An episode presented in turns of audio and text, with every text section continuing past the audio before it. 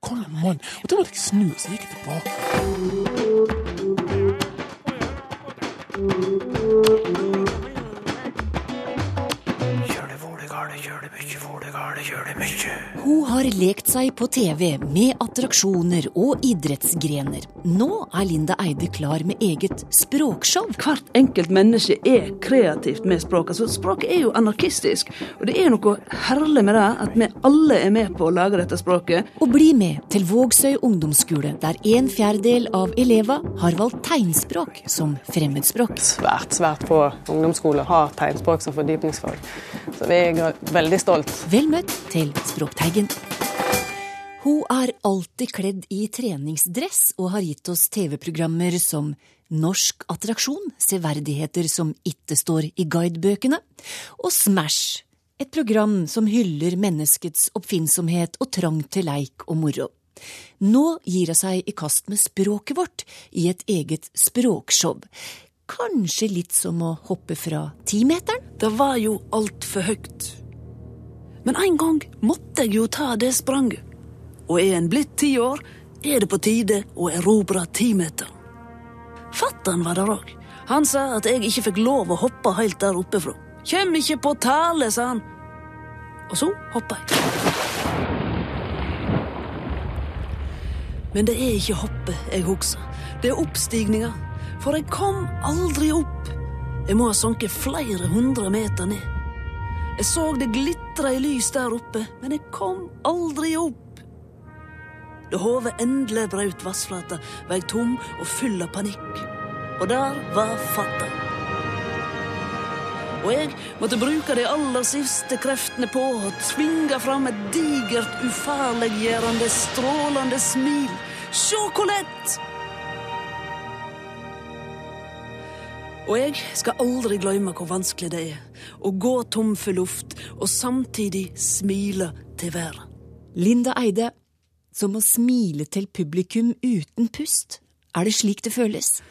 Ja, vet du, akkurat dette nå har jeg gitt meg i kast med noe som er iallfall veldig annerledes enn det jeg har gjort før på fjernsyn. da. For nå skal vi jo ha folk i salen. Vi er på en scene. Og jeg sier vi, for at det er sammen med professor i språk Gunstein Akselberg og musiker, pianist Sjur Hjeltnes, som er en trio.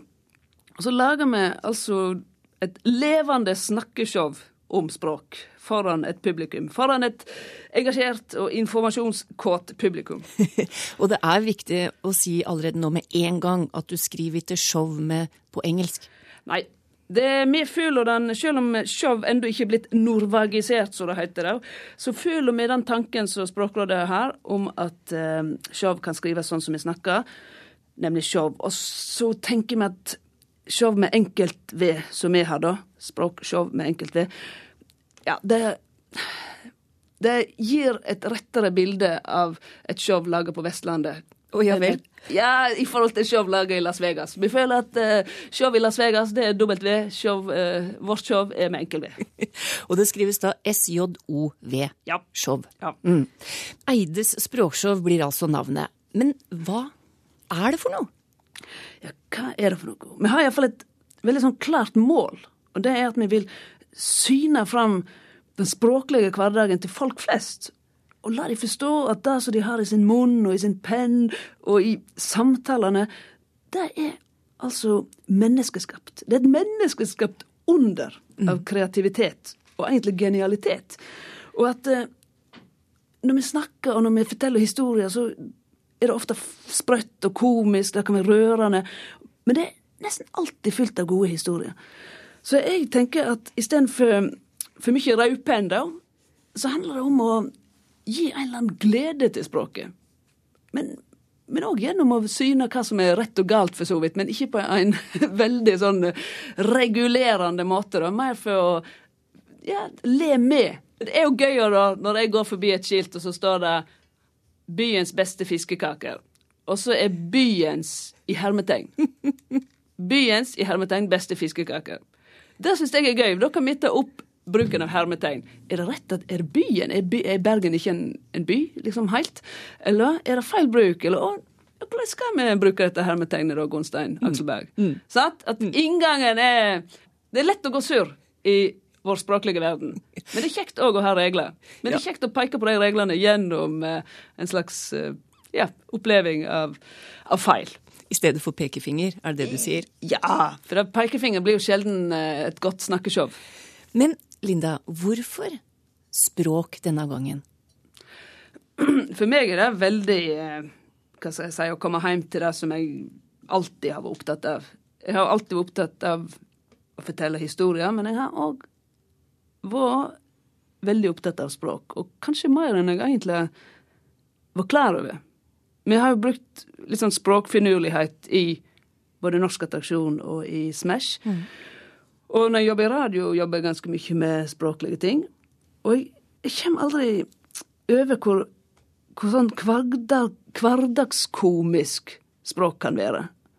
Altså, vi hadde et ektepar der ei noterer alt som kona sier, og kona sier hele tida sånne uttrykk litt feil, eller og det blir jo veldig morsomt. Jo, Vi tenker feil, men når hun sier at de har hengt sammen som bjørkris i 26 år, så, så bare ler folk så godt. Men vi ler med henne, for hun, hun er jo impulsiv, og, og jeg elsker sånn feilsnakk. Men i bunnen her så ligger det jo at vi er veldig på lag med det forståelige språket. Vi syns det er helt topp med feilsnakking, for så vidt, for det får oss til å snakke, tenke over rettsnakking. Men kan du si litt mer konkret om innholdet? Da kan det jo inneholde veldig mye. Vi kan ta tak i aktuelle ord og uttrykk. Mm. I forrige uke kunne vi fint tatt tak i at sjakkvesenet, eller hva en skal kalle det, har laga seg et grep som heter Armageddon hvis alt er uavgjort. Og hva er Armageddon, Gunstein Akselberg, kunne jeg spurt. Og da kunne vi jo eh, fått forklart at det er et ganske heftig uttrykk henta fra Bibelen med dommedag og en plass der alle det siste slaget skal utkjempes, i Armageddon. Og dermed så kan vi vel kanskje slå fast at, at eh, de er litt pompøse i i sjakkverdenen. Så dere har et snev av Språkteigen i showet, da? For det her minner jo litt om vår lytterspalte. Ja, altså noe absolutt. Vi er jo søskenbarn, vi. Kanskje vi tar det litt ut i um, Vi har jo noe sånn publikumsfrieri-ting òg, for eksempel rebus.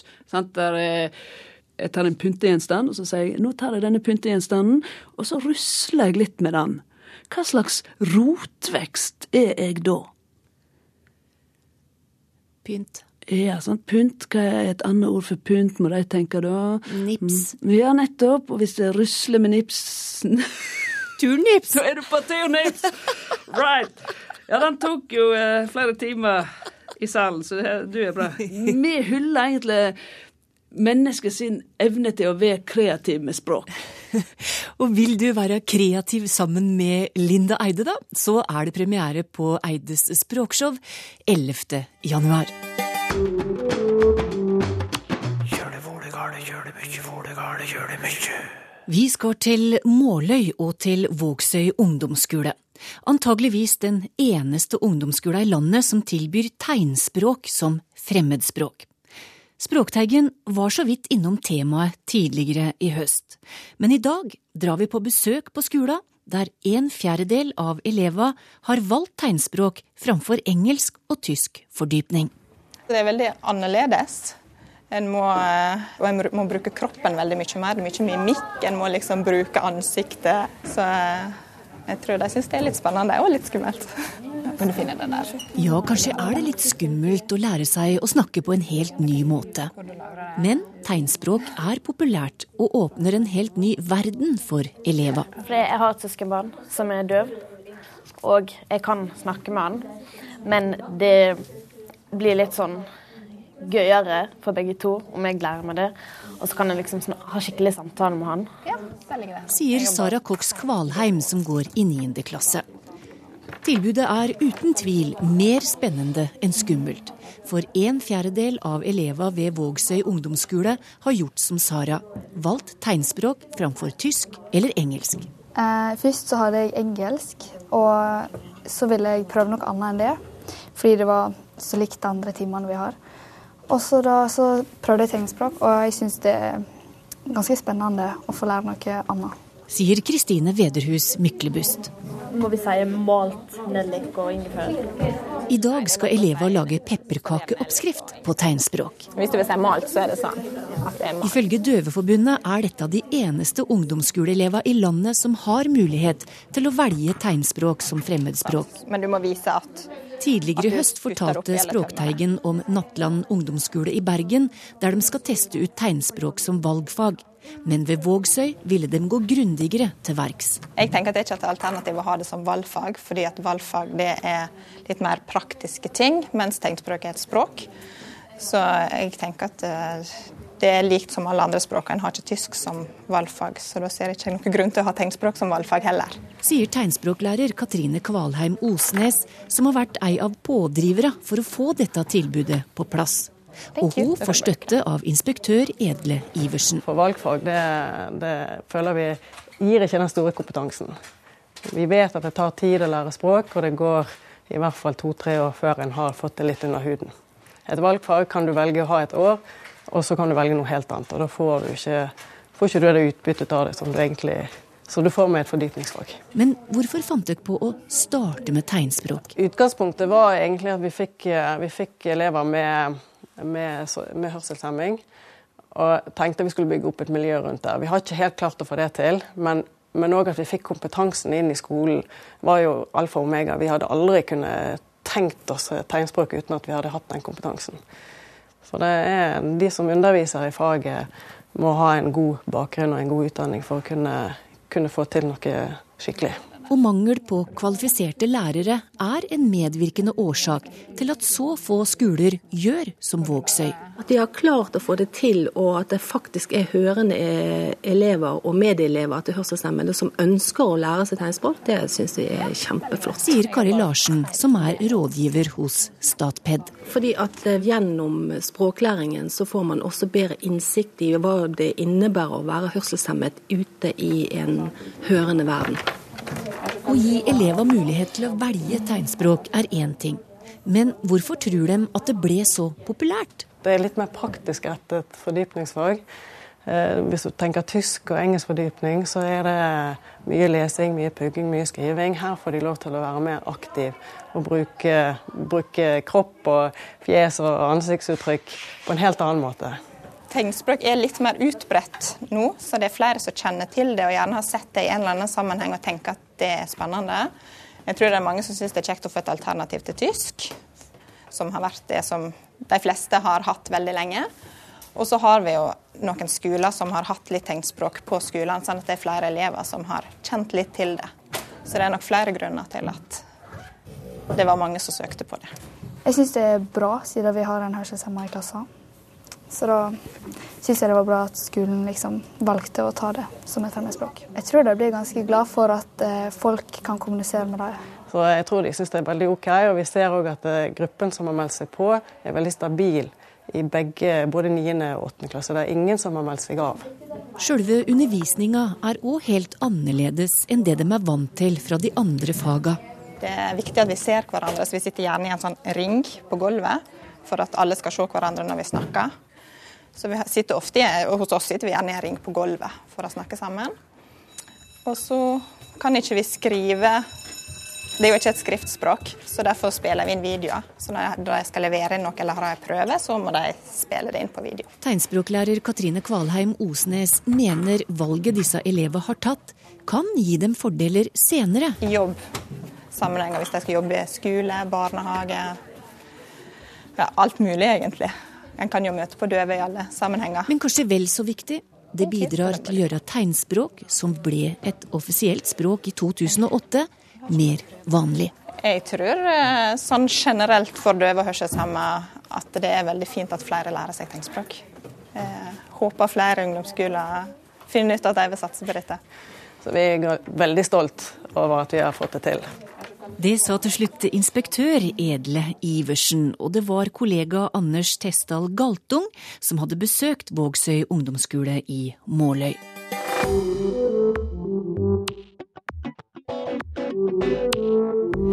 Ingrid Kammermeier er første kvinne ut med spørsmål i dag, og det er Sylfest Lomheim som skal få svare.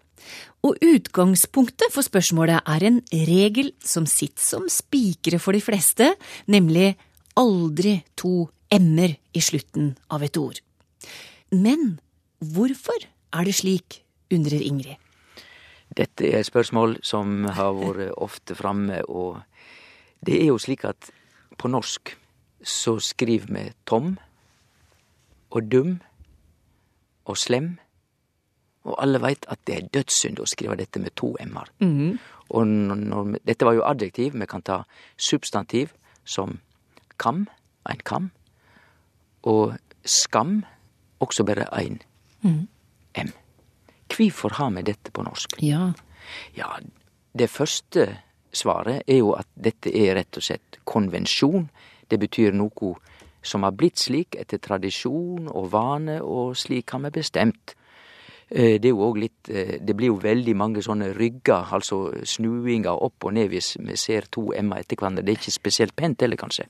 Men folk hører jo at dette er ikke god nok forklaring. Hvorfor har vi det på norsk? Jau, det er fordi at norsk skrivetradisjon, når vi går litt tilbake i tid, det er det samme som dansk skrivetradisjon. For like fram til rundt 1900 så var det offisielle skriftspråket dansk. Det veit vi jo. Og på dansk så utvikla de, når de standardiserte dansk skrift, enda lenger tilbake, så utvikla de den konvensjonen og den regelen at de ikke ville ha dobbel konsonant i slutten av et ord. Og vi har da behalde den delen av den konvensjonen når det gjelder M, men ikke når det gjelder N og andre Vi sier jo kvitt og kvit, og vi sier eh, topp med to p-er, og så videre. Så vi har det i, i alle slags ord, men altså ikke når det gjelder M. Og så, heilt til slutt, det artige er jo at hvis vi går til svensk, ja. eller gammelnorsk, så gjaldt ikke denne regelen. Ta bare ett døme. Det heiter en damme med to m-er. Det er da en demning. Men det heter en dam med én m, og det er jo ei dame. Og det er jo fordi at de da skiler på svensk mellom, mellom eh, to m-er og én m. Rett og slett eh, om det er to eller én m-er, det er skilje mellom en del ord, det, i svensk. Gammel vane er vond å vende, heter det.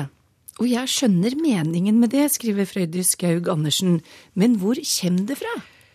Ja, det, det er vond. Eh, Da må vi huske på at vond ikke her må tolkes som at eh, det er, det er smertefullt. Nei.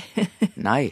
Og det er derfor at eh, en eldre variant av gammel vane er vond å vende er som følger. Nå skal du høre. Gammel vane er vand å venda. Altså vanskelig, kanskje? Nettopp. Det er vanskelig som ligger i både vond og vand. Og både vond og vand er jo samme ordet, slik at eh, det, vi må ikke nødvendigvis tolke vond i retning av smerte, men noe som er ikke lett, rett og slett.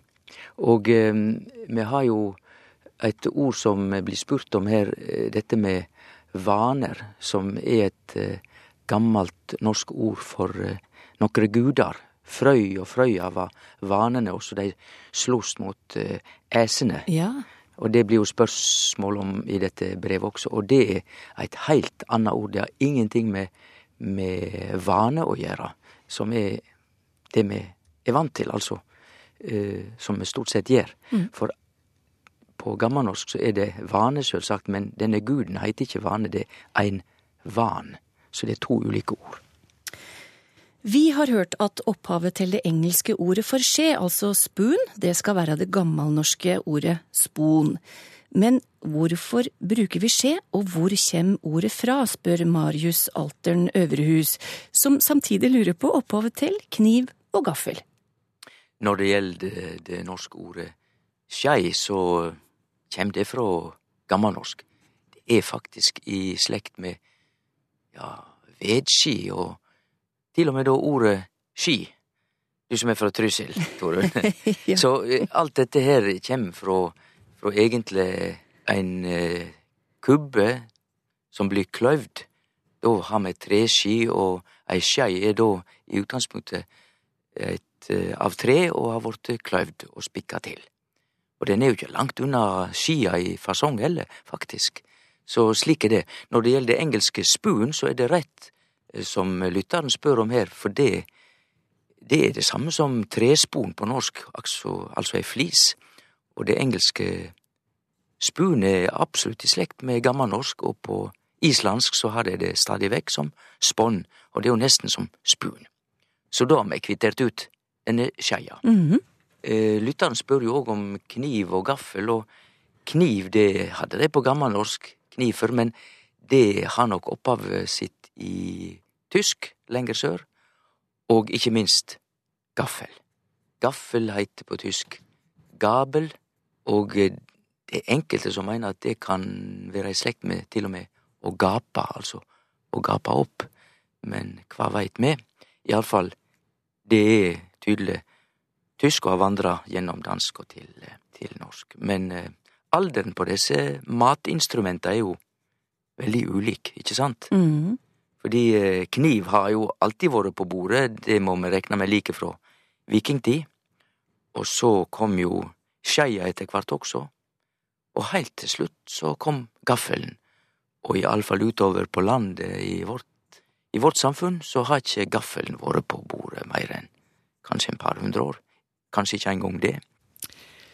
Erik André lurer på hvorfor vi sier svin på skogen. Han sier at hvis han hadde hatt svin og hadde sendt dem til skogs, så ville han ha sagt at han hadde svin i skogen. ja, og da må jeg jo først forklare dette uttrykket å ha svin på skogen, for dette Vi sender jo ikke grisene ut i skogen i våre dager, Nei. men det gjorde de faktisk før i tida. Før i tida gikk grisene mykje mer ute enn de gjør i våre dager. De grisene var jo også med til fjells om sommeren, på stølen og så videre. Og dette skriver seg fra ei tid der det var allmenning, altså beiteområdet beiteområde ute i skogen, som var felleseie for, for bøndene i et område. Og eh, der kunne de da eh, sende husdyra sine, kyr og kalver og sauer og alt. Men hvis en bonde var så ufin at han også sendte svina sine, grisene, inn i beiteområdet som var allmenning, det var lite populært, og det skjønner vi jo. Og da hadde den bonden svin på skogen. Det er forklaringa på sjølve uttrykket. Men så, kvifor ikke i skogen, Ja. men på? Ja, Og da er den kortfatta regelen, for dette er artig sak, den kortfatta regelen er at i mange, mange, mange uttrykk i norsk så kan vi ha både på og i. Vi kan ha på teatret, i teatret, vi kan ha i skolen, på skolen. I alle disse dømer så er rett og slett det en skilnad i mening. Når vi bruker preposisjon på, så underforstår vi funksjon, verksemda, det som er den typiske funksjonen til den staden omtaler. Men hvis vi bruker preposisjon i, da tenker vi mer fysisk på bygning, rett, altså kort og godt det fysiske. Og derfor, på teatret, da er det det som har med spelstykke, program og alt, men i teatret er jo i sjølve bygningen. Mm. Det gjelder jo i skolen, på skolen, og så videre. Så det er det samme med skogen, da. Ja. På skogen, da er det beitemarka. Men i skogen, det vil være rett og slett ute blant trea. Vi hører ofte om tematikken i en film eller i ei bok. Andre ganger snakkes det bare om tema i filmen eller boka. Hva er forskjellen, og hva er eventuelt korrekt bruk, spør en kar fra Bergen. Det er jo i praksis, eh, tror jeg, hvis vi ser på slike tekster som du refererer til, Torunn, Ja. så ville vi kunne bytte ut tematikk med tema hele veien. Altså, de to orda blir brukte om det samme. Og da er det spørsmål hva er liksom poenget med tematikk og tema? Jo, tematikk, det hører, vi hører jo at det ender på ikk, det er fransk. Og på fransk har dette eksistert eh, i, i eh, lang, lang tid. Men det er jo ei utvikling, så grunnordet er tema. Så når vi har fått tematikk fra fransk, så er det fordi at fransk skal lage tematikk ut fra et gresk ord tema. Og hva betyr det? Jo, det betyr rett og slett emne. Noe som er eh, sett fram. Og tema, greske ordet tema, det er også i slekt med et annet gresk ord som er danna av samme rot, nemlig ei tese.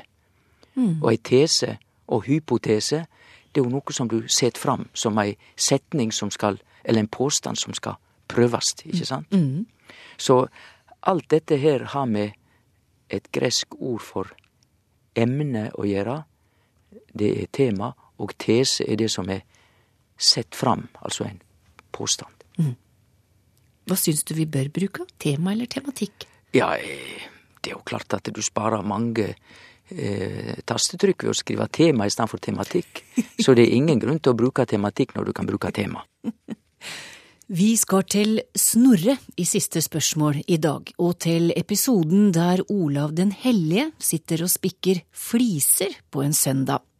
Han blir irettesatt av skutlesvennen sin med ordene Konge, i morgen er det mandag. Og Asbjørn Øvrebø spør, er dette opphavet til ordet flisespikker? Nei, det tror jeg rett og slett ikke. Eh, Men eh, den eh, episoden som Asbjørn Øvrebø forteller, den husker vi mange av oss, og det er klart at den forteller egentlig at kongen som satt borte i dagens Russland en søndag og spikka fliser, det betyr at han satt i djupe tanker, han tenkte på å dra tilbake til Norge og ta landet tilbake, og i det hele tatt han var opptatt av det, og var distré. Tenkte ikke, rett og slett. For han tenkte på så mye annet. Og det er jo ikke det som ligger i å være flisespikkar. Når vi er flisespikkar, så er vi ja, Det er jo ikke noe kompliment i det hele tatt. Det er en som er opptatt av detaljer. Og det betyr jo at eh, når vi spikker fliser, da høgg vi opp i småbitar. Vi driv på med småtteri hele tida. Det er jo i, i slekt med et annet ord eh, fra primærnæringen, å treska langhalm. Det betyr at da driver du bare på og prater og prater og prater, og det er liksom ikke noe skikkelig innhold i noe som helst. Det er å treske langhalm. Og det er litt med flisespikking òg. Det er bare småtteri du driver på med. Det det er ikke verdt noe. Det var siste spørsmålet til Sylfest i dag. Men han kommer tilbake allerede neste søndag, for da skal han være med å kåre det Språkteigen mener er årets ord i 2016. Det har kommet en jevn strøm med forslag til kandidater de siste uken, så vi har et rikt utvalg. Og hva som blir ordet som kan betegne året vi snart legger bak oss, det blir altså klart søndag. Vi høres.